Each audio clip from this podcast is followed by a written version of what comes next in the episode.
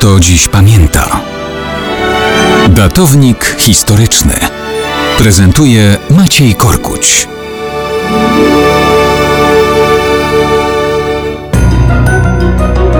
Mało kto dziś pamięta, że jesienią 275 roku rzymski senat wybrał na cesarza Marcusa Claudiusa Tacitusa, czyli po naszemu Tacyta. Nie, nie, to nie ten autor wielkich dzieł o historii Rzymu, żyjący sto kilkadziesiąt lat wcześniej. To był zupełnie inny Tacyt, który zgrabnie podszywał się zresztą pod potomka sławnego dziejopisa. Wybrał go senat po wielotygodniowym, lękliwym oczekiwaniu.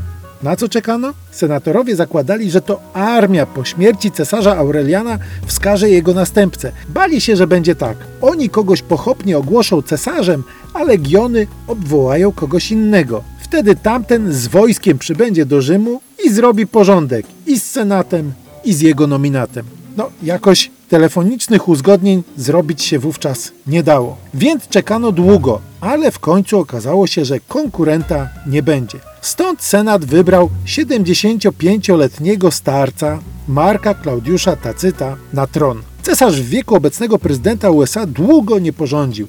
Już wiosną następnego roku zmarł albo wskutek choroby, albo w wyniku spisku. Dokładnie nie wiadomo. Faktem jest, że zdążył cesarz Tacyt wybrać się mimo wieku na uciążliwą wyprawę wojenną do Azji Mniejszej, gdzie dowodzone przez niego legiony porachowały kości germańskim barbarzyńcom z plemion Gotów i Alanów. Jego podszywanie się pod związki rodzinne z wielkim autorem roczników zaowocowało świetnym pomysłem.